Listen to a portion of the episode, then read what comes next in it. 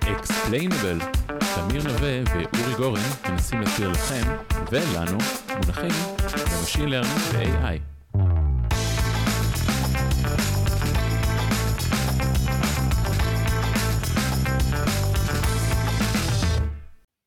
היי תמיר, היי אורי, מה נשמע?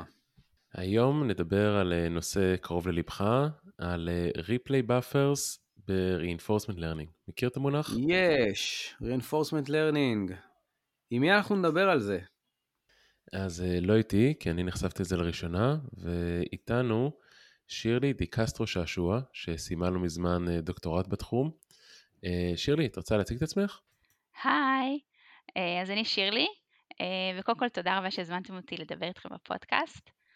אה, אז אני סיימתי עכשיו את הדוקטורט שלי ב-Reinforcement Learning אה, בטכניון אצל פרופסור שי מנור, אה, ובעצם במהלך הדוקטורט חקרתי כל מיני דברים, כשאני אספר לכם על, ה, על אחד המחקרים המרכזיים בתחום של Replay Buffers, שעל זה נדבר היום.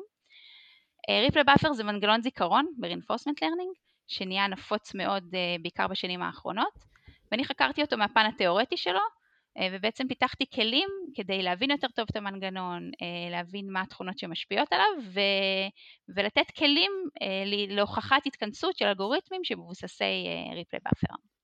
מעולה, אז בואי אולי ניתן קצת רקע כללי למי ששכח או מה על reinforcement learning, ואגב נזכיר, אורי אתה בטח לא זוכר את הנוסטלגיה הזאת, אבל הפרק השני שהקלטנו אי פעם, עוד בעמלק AI, היה Intro to Reinforcement Learning, נתנו שם ככה את המושגי אה, יסוד, state, action, reward, אבל בואי שירלי, אם את פה ואת אה, דוקטורית ל-reinforcement learning, בואי תתני פה איזשהו אה, רקע למה זה בכלל, עדיף עם איזושהי דוגמה חיה, לפני שנצלול לתוך הדוקטורט שלך ב replay buffer. אוקיי, okay, מעולה.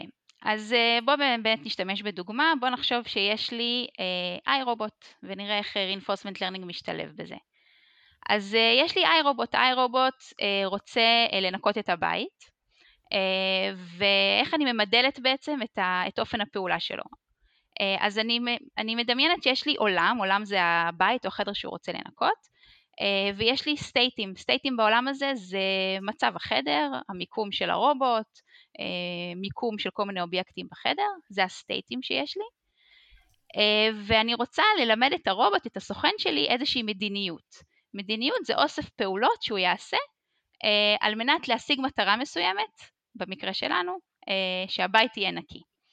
אז הסטייטים שלי זה המיקום אה, של הרובוט או מיקום אה, של אובייקטים בחדר, הפעולות של הרובוט וה-actions יהיו ללכת קדימה, אחורה, לנקות, לעצור וכולי, ובנוסף יש לי גם, אה, בעולם של reinforcement learning יש לי גם פידבק מהסביבה. הפידבק מהסביבה נקרא reward, כש-reward במקרה של iRobot יהיה אה, האם אה, האזור נקי או לא, או האם נתקלת בקיר, אה, או האם אה, הפעולה שעשית נתנה איזשהו פידבק חיובי או שלילי, וה rewardים בעצם עוזרים לנו ללמוד, עוזרים לנו למקסם איזשהו סכום rewardים עתידיים שאנחנו רוצים להשיג. אוקיי, okay, מה שמביא אותנו לשאלה הבאה, אז מה זה בעצם replay buffer בהקשר הזה? אוקיי, אז בעצם, אז יש לי את הסוכן שאני רוצה ללמד אותו. איך אני מלמדת אותו? אני מלמדת אותו מאיזה אה, אוסף של דגימות שהוא ראה. בואו נסביר רגע מה זה דגימה.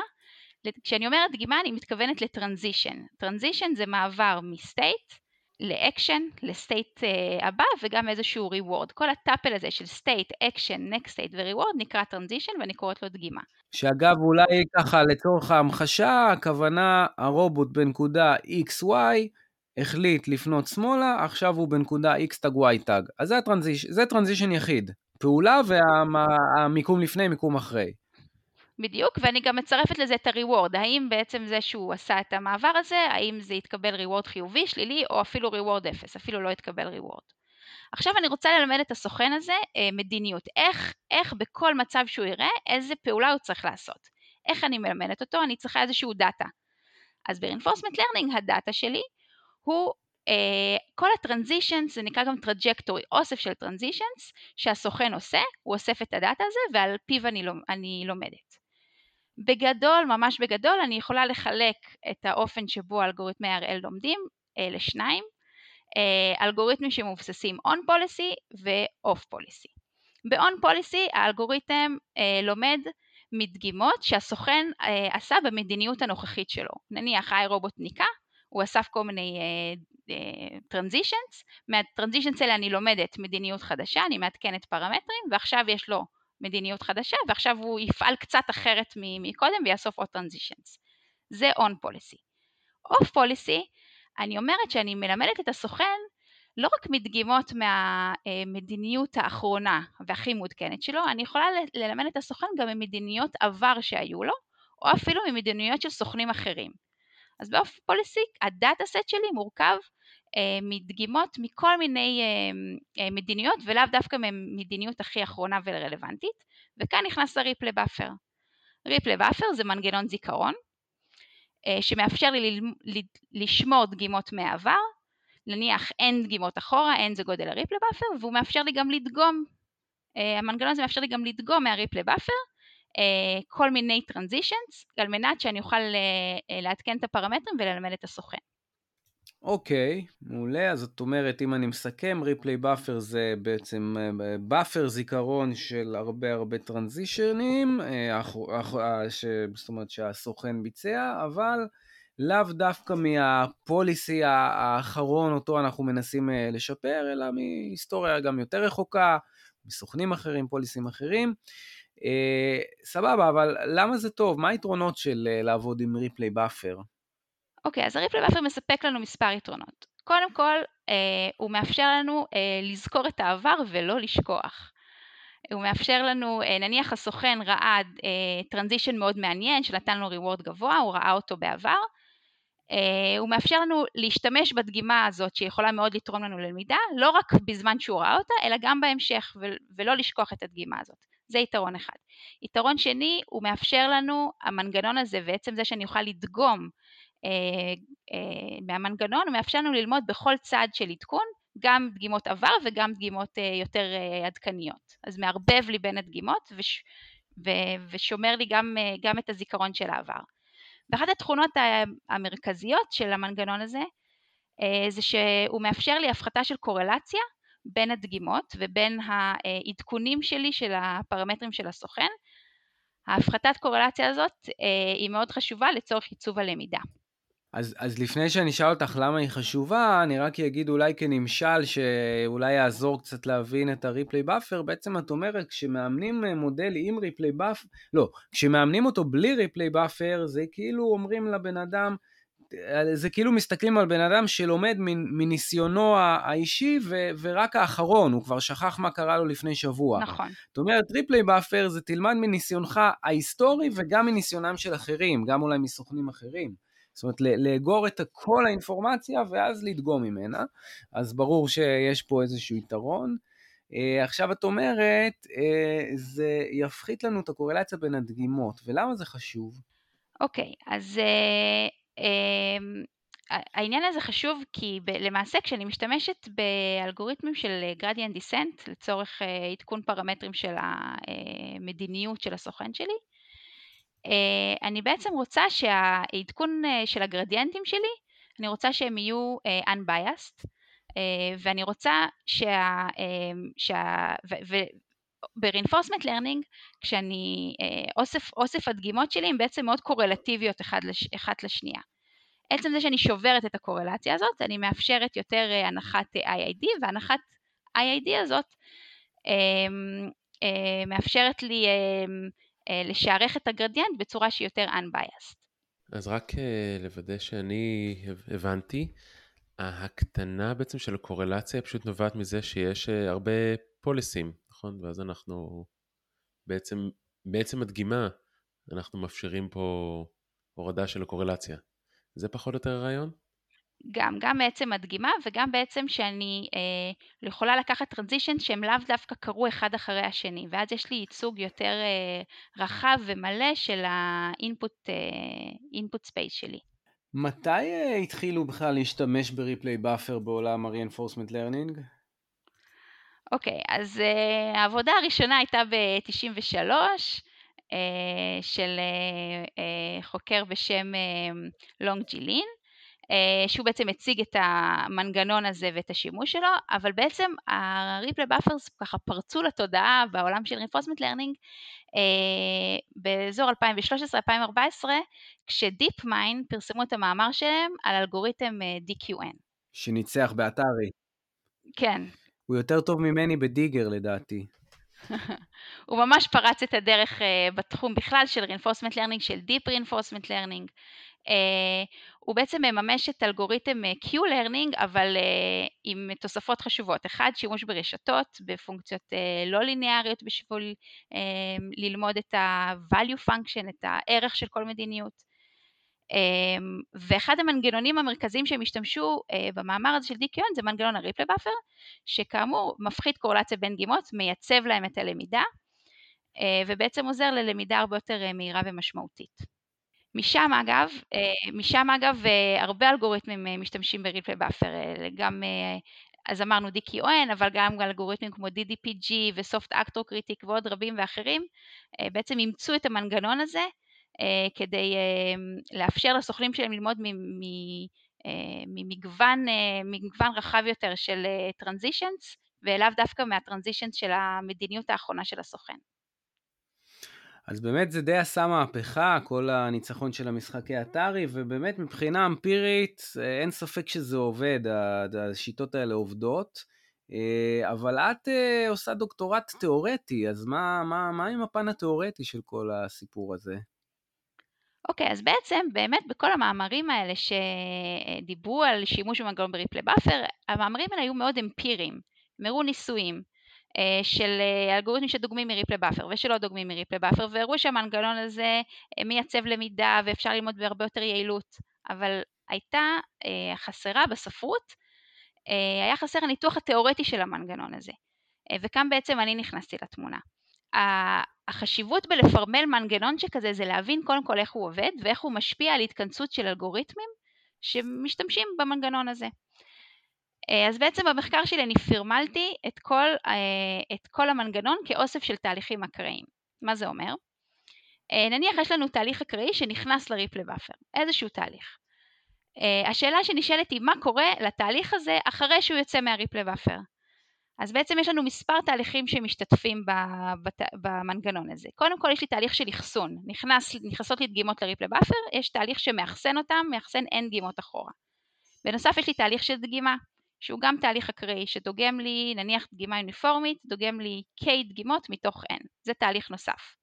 אולי, אולי רק, רק, רק אני ככה ימחיש את מה שאת אומרת בשפה היותר פרקטית. את אומרת, הקלטנו את האי רובוט מטייל לו בחדר במשך עשר שעות, יש לנו מיליון דגימות, מיליון אה, אה, אה, אה, סדרה של קורדינטות שלו ואקשנים שלו וריוורדים שהוא קיבל.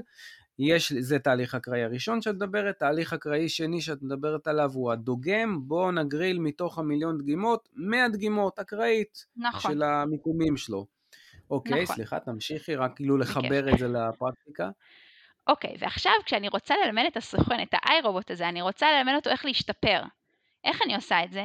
אני, אני מבצעת בעצם, יש לי איזשהו loss function, אני מבצעת איזשהו צעד גרדיאנט ומעדכנת את הגרדיאנט. ואיך אני מעדכנת את הגרדיאנט? על, על בסיס איזה דאטה? על בסיס הדגימות האלה מה replay buffer. אה, אז התהליך מוצא של ה replay buffer זה בעצם אה, התהליך שמדמה לי את עדכון הגרדיאנט. שמבחינה, אם אני מנסה להגיד את זה בצורה הכי פשוטה, אך עדיין תיאורטית, התהליך של עדכון הגרדיאנט הוא ממוצע על פני פונקציה כלשהי של דגימות מה replay buffer. הפונקציה שלי זה הגרדיאנט, הממוצע זה ממוצע, והדגימות שלי מה replay buffer נלקחות באופן אקראי על ידי תהליך הדגימה. אז זה אם אני ככה מפרמלת את כל התהליך, אה, אה, את כל התהליך הלמידה של אה, אלגוריתמים שמבוססי replay buffer. ועכשיו נשאלת השאלה, אה, האם אני יכולה להגיד משהו על התכונות אה, של תהליך שנכנס ל replay buffer, האם התכונות האלה נשמרות גם במוצא שלו? האם אה, אני יכולה להוכיח ש... ראינו במאמרים שה... שהמנגנון הזה מפחית קורלציה בין דגימות, האם אני יכולה להוכיח את זה? כל הפורמולציה הזאת עוזרת לי בשביל להוכיח את התכונות האלה, ובסוף היעד המרכזי הוא בעצם להוכיח התכנסות, התכנסות של אלגוריתם שמבוססי replay buffer. שאת אומרת התכנסות של אלגוריתמים, אנחנו מדברים על אלגוריתמי gradient descent, מחשבים גרדיאנט כדי למזר, ל, למצוא מקסימום מינימום לאיזושהי פונקציית מחיר, אז מה, מה, איך את מסק, מתמצתת, נקרא לזה ככה, את תוצאת המחקר העיקרית, ש, ש, שמה, שהגרדיאנטים הם, הם משהו, מה, מה, איך את מוכיחה התכנסות? אוקיי, אז תוצאת המחקר העיקרית היא אכן שה... אלגוריתמים מבוססי replay buffer מתכנסים, והוכחת התכנסות מבוססת על אה, כלים של stochastic approximation, שמה שזה אומר זה שאני מוכיחה שבעצם הרעש שלי בתוך הגרדיאנט, בתוך שיערוך הגרדיאנט, הרעש שלי הולך, הולך וקטן, הולך וקטן, אה, ולכן אה, האלגוריתם שלי יכול להתכנס. החלק התיאורטי אומר, יש לי, הרי כל התהליכים האלה מאוד רועשים, הם רועשים כי אני בתהליך אה, בסביבה רועשת, בסביבה אה, אה, סטוכסטית. אלמנט נוסף שה replay buffer הזה מכניס לי זה הסטוכסטיות של הדגימות, כי אני, אני דוגמת מכל מיני דגימות גם מהעבר, גם, מה, גם מהעבר הרחוק, גם מהעבר הקרוב, זה מכניס לי אלמנט נוסף של סטוכסטיות, ואני רוצה לדעת ולהוכיח שהסטוכסטיות עדיין הזאת הולכת וקטנה, הולכת וקטנה ככל שאני מתקדמת בתהליך הלמידה. ומה הנחות, אה, מה הנחות עבודה? זאת אומרת, זה, זה, זה מתכנס עם מה? ההנחות הן, האם הן סבירות? האם הן המציאות? מה ההנחות שלך על התהליכים האקראיים האלה? אוקיי, okay, אז בשביל אלגוריתם של replay buffer, אז אני מניחה שהתהליך אה, כניסה שלי ל replay buffer הוא איזשהו תהליך מרקובי, אה, הוא תהליך אה, אה, ארגודי, שזה אומר שאני אה, יש לי איזושהי הסתברות חיובית להגיע מכל state לכל state. אמ, אה, ובהינתן ההנחות האלה והנחות סטנדרטיות נוספות, שלדוגמה ה step size שלי הולך וקטן וכולי, אז בהינתן ההנחות האלה אני יכולה להראות שהאלגוריתם כן יכול להתכנס לאיזושהי נקודה. אגב, צריך להגיד שהמרקובי זה הנחה שהיא אה, מובנת מאליה בכל עולם ה-reinforcement learning. ההסתברות אה, של ההיסטוריה, ההסתברות תלויה בהיסטוריה הקרובה כמו בהיסטוריה הרחוקה, זה בעצם הנחת העבודה של Markov decision process, אז אה, הנחה, אחלה הנחה בקיצור.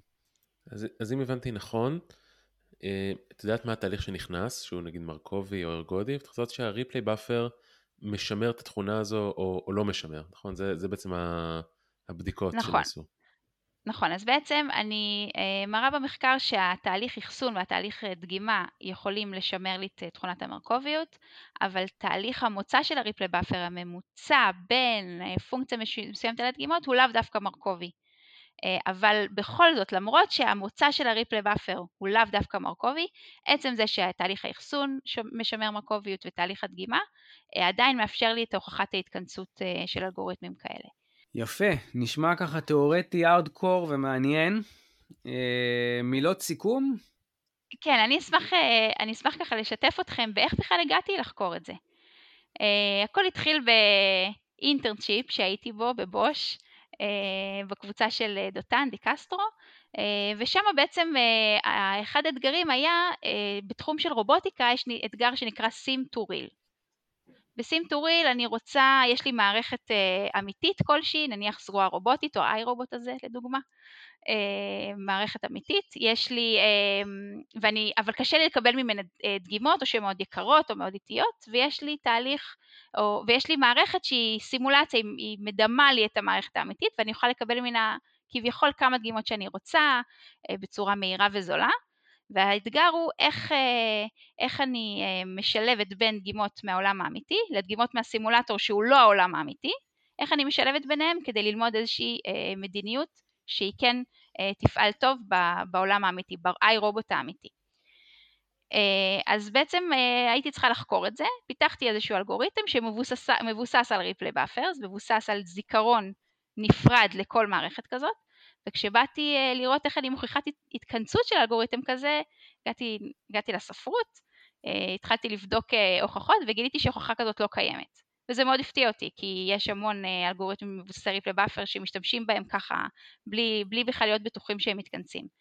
אז מתוך הצורך הזה, מתוך הצורך הזה ב... אה, אה, ש, שמגיע מהשטח נקרא לזה, הגעתי בעצם לנושא תיאורטי לגמרי, שהחלטתי שאני אה, נכנסת בו בכל הכוח, מפרמנת אותו ונותנת כלים גם לחוקרים אחרים להבין אותו טוב יותר ולתת להם כלים להוכיח התכנסות של אלגוריתמים כאלה. וואו, מעולה. שירלי, נשמע ממש מרתק. שמחנו להכיר אותך, המון תודה. בכיף, בשמחה רבה. שזו אגב גם הדרך הכי, זו אגב גם הדרך הכי טובה לחדש, לחפש משהו שאין, וללכת לכיוון, באמת להרחיב את הידע האנושי. אז קודם כל תודה על זה, זה היה פרק מרתק, ואנחנו נתראה בפרק הבא. אקספליינבל, תמיר נווה ואורי גורן מנסים להסביר לכם ולנו מונחים במשין לרנינג ו-AI.